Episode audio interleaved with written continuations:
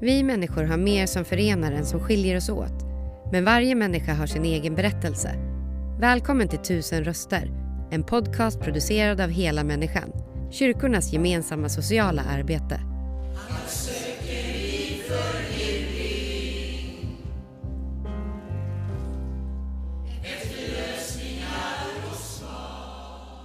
Ja, då är vi hos Hela Människans verksamhet här i Värnamo och jag träffar Janne Stolt som är 65 år gammal. Han, eller han fyller faktiskt 65 på Norges nationaldag, 17 maj. Halvnorsk som du är. Stämmer precis det. Ja, Säger jag med ett stort leende. ja eller hur. Det blir ett rejält firande i Norge för dig. Inte i år. Inte i år. Nej. nej. Men de firar på distans menar jag. De kanske Ja, firar, ja, ja. De firar för Janne. Det är en parentes nu för det, imorgon ska jag åka ner till min systerson som har mm, återvänt till Norge Mhm. och jobbar i Norge som kock. Okej. Det ska bli jättespännande. Ja, det förstår jag. Mm. Men eh, du bor ju ut, eh, utanför här eh, i Lanna. Ungefär, var det tre mil va? Ungefär. Nära det här High Chaparral. Stämmer precis. Ja. Och du hamnade här, du får väl berätta själv. Hur hamnade du här i Värnamo? För du är ju faktiskt från eh, Varberg egentligen. Jag hamnade här på grund av att um, jag blev övertalad att åka med på ett LP-läger, Gullbranna, som ligger mellan Halmstad och Laholm, ungefär ute vid havet. Och Eh, jag var ju bestämd om att jag inte ville ha någon kvinna att leva ihop med, men det visade sig att det fanns en kvinna på det här lägret och vi blev ju blixtförälskade. Och hon råkar bo i Lanna. Så, så kan det gå. Och då hamnade du här. Ja, Och eh, det var ju din kärlek liksom. ja. Det är mitt livs stora kärlek. Ja. Men du har två barn, eh, Ja. två döttrar har sen varit tidigare förhållanden. Ja. varit gift 30 år innan faktiskt. Ja. Så... um, Mm. Men eh, hon döpte dig, Sussi, Jajamän. 2016 där. Ja. Och du vart frälst. ja, det var jag ju året innan. Det var året innan, ja just det. Eh, men det hände någonting här i julas. Ja, det började väl kanske inte... Det började i mitten på september och då eh, konstaterades att min kära hustru hade fått cancer i gallblåsan. Och det hade spritt sig ut i levern och eh, det blev ett väldigt snabbt förlopp. Så hon dog 16 december. Beklagar verkligen. Ja, tack. Det är inte länge sedan. Nej, inte länge sedan. Och... Eh, vi höll begravningen på hennes födelsedag 5 januari. Mm. Och det har varit en, en sån tuff resa för mig som jag har, mm, behöver lång tid för att berätta. Så det kanske vi får ta en annan gång. Det får vi ta en annan gång. Mm. Men du har mycket annat att berätta också. Men jag tänker det var viktigt att vi bara benämnde det. Ehm, du har ju jobbat som elektriker bland annat på Vattenfall. Mm. Byggt mycket kärnkraftverk sa du. Ja. Och nu, nu läggs de ner. Nu läggs de ner. Men det, det beror inte på dig tror jag. Nej, jag hoppas inte det. Det är inte De dragningarna har ju som... ändå fungerat i ganska Ja, många år. Eller hur? Ja, Och sen har du kört buss. Ja 22 Ja. år. Jaha. Men ehm, på 70-talet där, när du var ung Mm. och yngre tonåring så fanns det me- mellanöl i butikerna. Ja. Och det, det fanns ju som det var på den tiden. Det var ju inte de här stora köp... mm, Alltså, vad det nu? Vad heter det? Köpmarknader? Köp, köpcentrum. Köpcentrum, ja. Ehm, Det var ju mycket småbutiker av olika slag och där fanns ju handlare som inte brydde sig om att man inte hade åldern inne utan de sålde ju ändå. Mm. Och det, det är ju ingen bra ålder att börja i när man fortfarande växer. Det är jag fullt klar över. Men eh, Så du började dricka en del mellanöl där? Ja, men det blev ju inget missbruk av det. Inte som jag kan se nu. Men det blev ju en, en introduktion till att tycka om det här. Och någonstans under livet, alltså jag har ju jobbat i princip i över 40 år. Och, men ändå haft ett Mm. missbruk som inte går att beskriva riktigt bra. För det har varit riktigt, riktigt illa. Men du har kunnat klara jobb och sånt ändå? Ja, det gick ju inte till slut. För att när man ligger på intensiven och de behöver koppla upp en på alla tillgängliga apparater och knappt har något blodtryck och hjärtat står och flimrar. Då, då är det inte mycket kvar. Och Mm. någonstans till slut, läkarna sa ju till mig att inte en gång till Janne. Men du, hur, du, du, du drack tills du stupade i princip? Ja, eller? ja, ja. Och sen var det andra typer av droger också inblandat? Ja, det var amfetamin och det var hasch och eh, benzo. Alltså tabletter, Stesolid och liknande. När du tänker tillbaka på den här tiden, på mellanölstiden där. Vad, vad tror du var att, som gjorde att du började överhuvudtaget? Kompisar. Vi ville, Kompisar. Ha, vi ville ju ha kul. Mm. Och det var spännande. Det var ju förbjudet och då måste man ju testa. Mm. Så det var mer en sån rolig grej? Men då- Ja, då var det ju det. Alltså man förhöjde stämningen och alla blev glada och oftast i varje fall. Och, eh, Mm. så visst, det var ju en stämningshöjare. Mm. Absolut. Men När, när började det få konsekvenser för dig liksom, i livet? Hur ung var du då? En svår fråga det. det Mm. Det är väl någonstans i 35-årsåldern när, det, när jag... mm, Ja, jag hade ju ett hög konsumtion. Jag alltså var ju högkonsument av alkohol då. Mm. Och det... Jag vet inte idag hur jag lyckades hålla ihop med att jobba och ha småbarn hemma och hela den biten. Men något konstigt vis så gick det. Det gick ändå liksom. Ja, Men nu, nu har du tagit dig ur. Du har varit fri från allt, i alla fall i fyra, fem år. ja. Och så. Men det var en liten, det var en resa ändå. Liksom att ta sig ur. Ja, det har varit en jättelång resa för det. Första öppenvårdsbehandlingen tror jag gick 2010-11 någonstans. Och periodvis så har det ju gått jättebra för mig men så har jag halkat dit av olika orsaker igen. Och så har det då blivit värre och värre. Tyngre droger upp till alkoholen och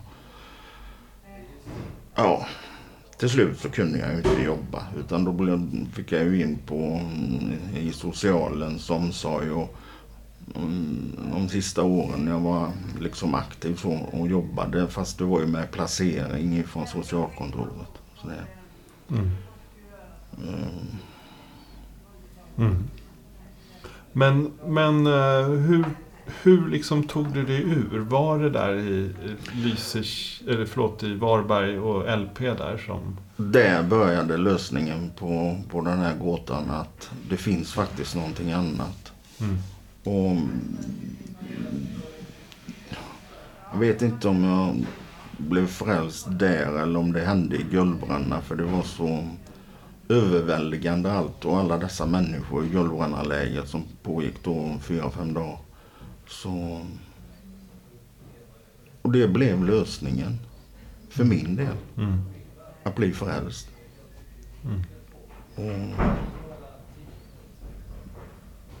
min fru som då gick bort för ett tag sedan här, hon, hon var ju kristen och bekännande kristen. Och, så vi hade ju verkligen någonting gemensamt. Och det stora med det, det var att jag gick med i vår lilla församling vi har i Lanna. Och sen har ju vi varit på allt. Gudstjänster, konserter och vad man vill kalla Mm. det. Det är ju någonting mitt emellan i frikyrkorna. Det, är- det är inte den vanliga svenska kyrkan som är mer stelt. Utan här är det sång och mycket glädje. Och, Mm. och det, det är fortfarande så. Mm. För mig. Ja. Mm. Och... ehm, men du ehm, har... ehm, eller, ni kom till Hela Människan också? Besökte den här verksamheten? Ja, det blev ju Susie som introducerade mig här. För att mm, vi, jag kallade det fortfarande LP. Mm. Och mm, det var ju naturligt för Susie fick jobb på LP i Varberg. När jag jobbade där, ja, något år eller vad det var. Så vi har ju varit engagerade. Vad har ni gjort här när ni har kommit hit? nu och här gör jag ingenting. Jag är bara besökare. Ja, skönt. Men jag har ju samtal med vem som helst. Mm. Och det ja, som det har varit nu efter min hustrus bortgång så har ju detta blivit första sättet att ta mig ut i verkligheten igen. För det var faktiskt, ja nu kan jag inte säga exakt vad det var men det är väl en par månader sedan kanske. Då, då var det första steget jag tog utanför huset för att söka mig gemenskap med andra människor. Och det var att åka hit till Hela Människan, LP, i Värnamo. Mm. Men, men varför var det här första stället? Liksom? Vad var det som... Men jag har lärt känna många av de här människorna på olika vis. Och något år så var föreståndaren här, Dan Linder, med i Guldbrandna. Och vi hade många långa samtal. Mm. Och det, vi är väldigt goda vänner, Mm. Det kändes tryggt att åka hit på något vis. absolut. Ja. Mm. För någon som aldrig har besökt det här stället, hur skulle du beskriva? Vad, vad, är det som gör det här speciellt? Först och främst så är det ju att alla är välkomna. Oavsett vem du är, hur du ser ut eller ja. Och det kan nog kanske vara skrämmande första gången man kliver in. För man, jag kan ju, och då pratar jag om mina egna känslor för att det kan vara att vågar jag verkligen det här? Vad ska de tycka om mig? Men när man väl har kommit förbi den där lilla tröskeln så kanske det kommer någon och säger hej, jag heter och vem är du?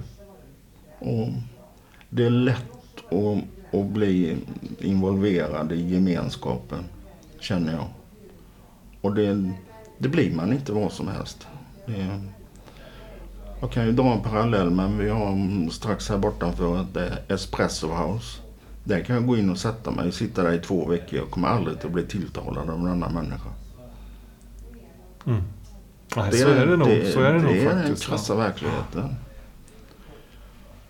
Här är det helt annorlunda. För här tas du in. Det är ingen som blir sittande ensam i ett hörn här. Och det är ju jätteviktigt. För att, ja, att man kan hitta någonting där man känner att man kanske, är, man kanske inte är behövd, men man är välkommen och för ens eget inre så är det jätteviktigt att ingå i ett socialt sammanhang, som jag ser det. För det betyder allt. Mm. För där jag bor nu, där har jag ingen att prata med. Och det är ju skönt på sitt vis. Men det är ju inte alltid jag har valt just det. Och då, då måste jag ta stegen själv för att komma ut. Och mm, jag ser ju det här som det mm, helt fantastisk verksamhet.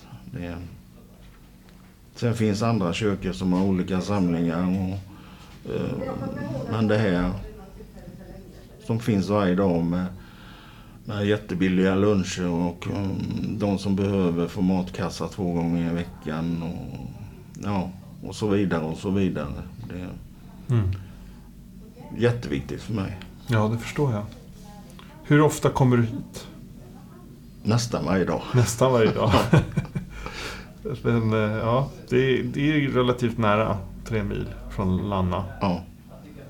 Att, eh, ja, ja, det kostar ju en slant att köra bil nu för tiden. ja, det- jo, ska man betala det så blir det dyrt.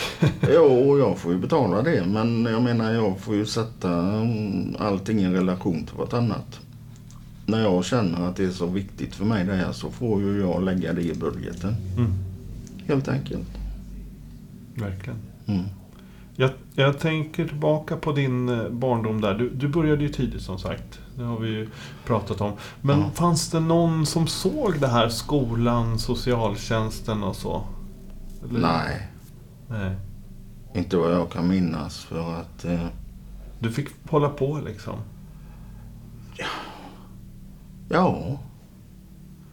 Och det är klart, jag satt ju inte hemma och så mamma och pappa kunde se det.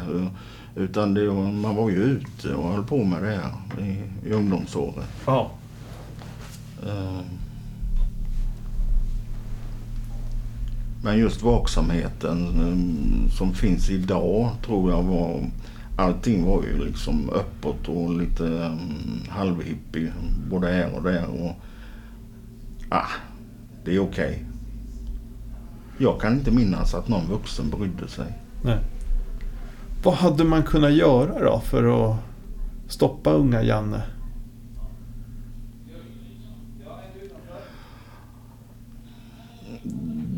Ja.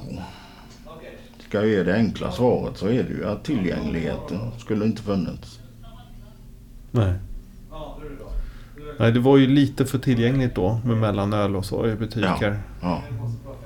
Jag gick på gymnasiet och eh, det passade inte med, med dagens lunch där kanske. Och Ja. då, då kunde vi gå till affären och eh, köpa någon, någon paket korv eller någonting och, och mellanöl på vår lunchrast.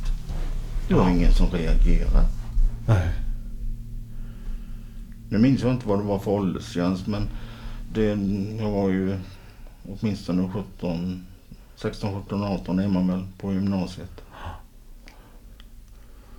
Ja. Mm. Så att, för det fanns ingen missbruk i din familj? Liksom, föräldrar och så? Det Nej, inte föräldrar men min farfar. farfar?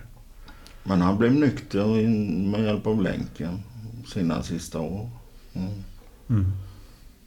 Sen på min mammas sida så är det ju, vi hade ju Varbergs största fiskaffär. Fiskexporten ligger i hamnen där. Och det var ju många så kallade gubbar som kom och hjälpte till. Och det var väl väldigt flitigt drickande där. Ja, just det. Så, ja, det, det, det är svårt att förklara men inställningen till att folk drack en kvart och gick och lullade lite och, och kanske kokade några kräftor eller vad de nu gjorde där nere. Så det, var mer liberalt om man nu kan använda det ordet. Mm.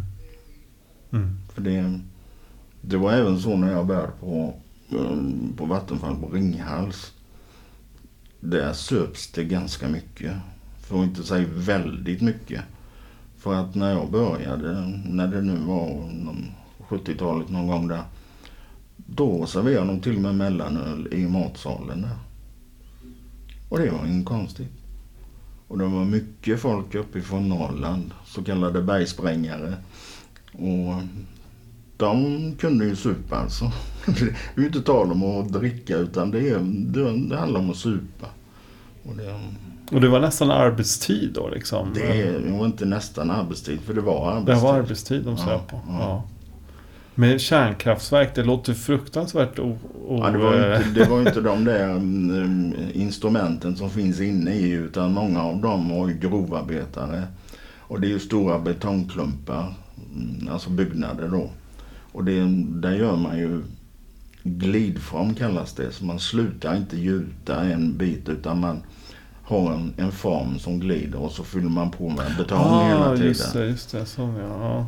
Ehm, och jag misstänker att det ligger mycket tomglas och ölburkar i betongen där. Men det har ju funkat. Ja, vad god. Ja. ja, det är tur att de håller ihop fortfarande då. Men Ja, men det, det, det ska nog mycket till. Vi får hoppas på det. Ja. Ja, men det, det har ju hänt det här tragiska och så. Jag förstår att det kan vara liksom svårt att tänka framåt kanske. Men, men ja, vad tänker du att ditt liv kan vara om fem år? Hur ser det ut då? Nej, den frågan är inte lätt att svara på. Det är... Man kan ju säga hur illa det har varit. För att mm, när begravningen var över. Då, alltså, det blev ju en mellantid där. Och både jul och nyår. Och, eh, då kom jag hem. Hänger av med kostymen. Av med slipsen. Och andra kläder. Och så går jag och lägger mig i sängen. Där ligger jag i tre veckor. Utan att äta. Var på toa och så var jag uppe och matade katten fyra, fem gånger per dygn. Han låg i övrigt jämte mig på en kudde, jämte mitt huvud. Hela tiden. Mm. Och det... Då fanns ju tankarna där att vad ska jag gå här och, och stövla efter nu? För det, det finns ju ingenting för mig att leva för. Det, det känns ju helt tomt bara. Men var den här lilla livsgnistan kommer ifrån, det kan jag inte förklara. Men jag är glad för att den finns där. För alternativet hade ju varit att jag inte hade suttit här just nu. Och det var verkligen ett alternativ då. Mm. Inte för jag ville göra någonting med mig själv men jag ville liksom bara vänta ut det och få sköta sig själv det här. Jag orkar inte mer. Mm. Så vad framtiden ska säga det... Jag vet ju inte vad som händer imorgon. Det,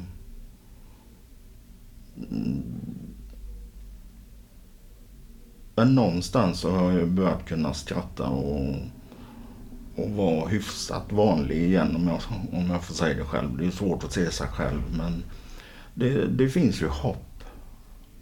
Och jag har barn och jag har barnbarn och jag har en syster som vi har kommit att väldigt nära varandra och hennes familj som delvis är tillbaka i Norge och mm, ja, när man börjar liksom samla ihop det här.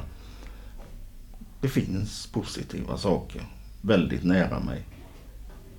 En riktigt bra dag i mitt liv det är när jag vaknar på morgonen. Tyvärr är det väl ofta innan solen har gått upp men sen när jag ser att solen börjar krypa upp på en klarblå himmel. Bara den känslan ger mig någon form av livsglädje idag. Och när jag då har ett mål som jag hade bestämt innan denna veckan började att måndag då ska jag åka in till LP och, och träffa mina goda vänner Ja. Och Mm. sen får resten av dagen bli som den vill. Mm. Helt enkelt. Den har ju börjat väldigt bra. Det är sol och Ja, det blå himmel. Ja, det, det påverkar mina livsandar väldigt mycket.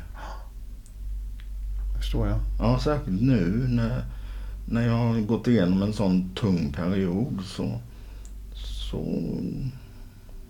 Låter väl konstigt kanske men jag gläds med solen. Mm. Nej men jag tycker det låter rimligt. Alltså, Ja, man, vi är väldigt väderberoende på något sätt. mycket mer än vad vi tror faktiskt. Ja. Mm. Nästan alla jag har pratat med här idag har ju nämnt vädret. Ja, det var nog ja. Ja.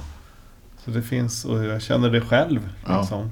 Man blir lycklig. ja, det gör man. Ja, Utan att veta varför riktigt. ja det är något konstigt. Ja.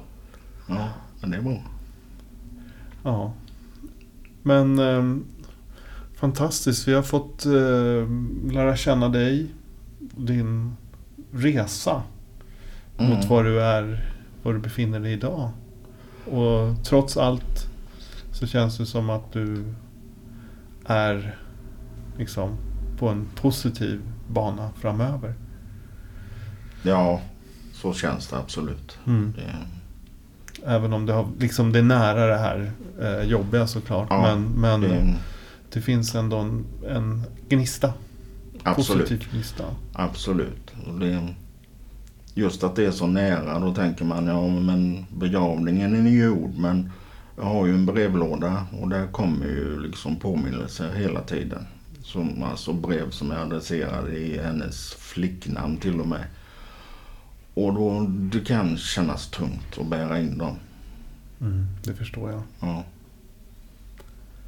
Men tack så mycket att du berättade om din historia och delade med dig.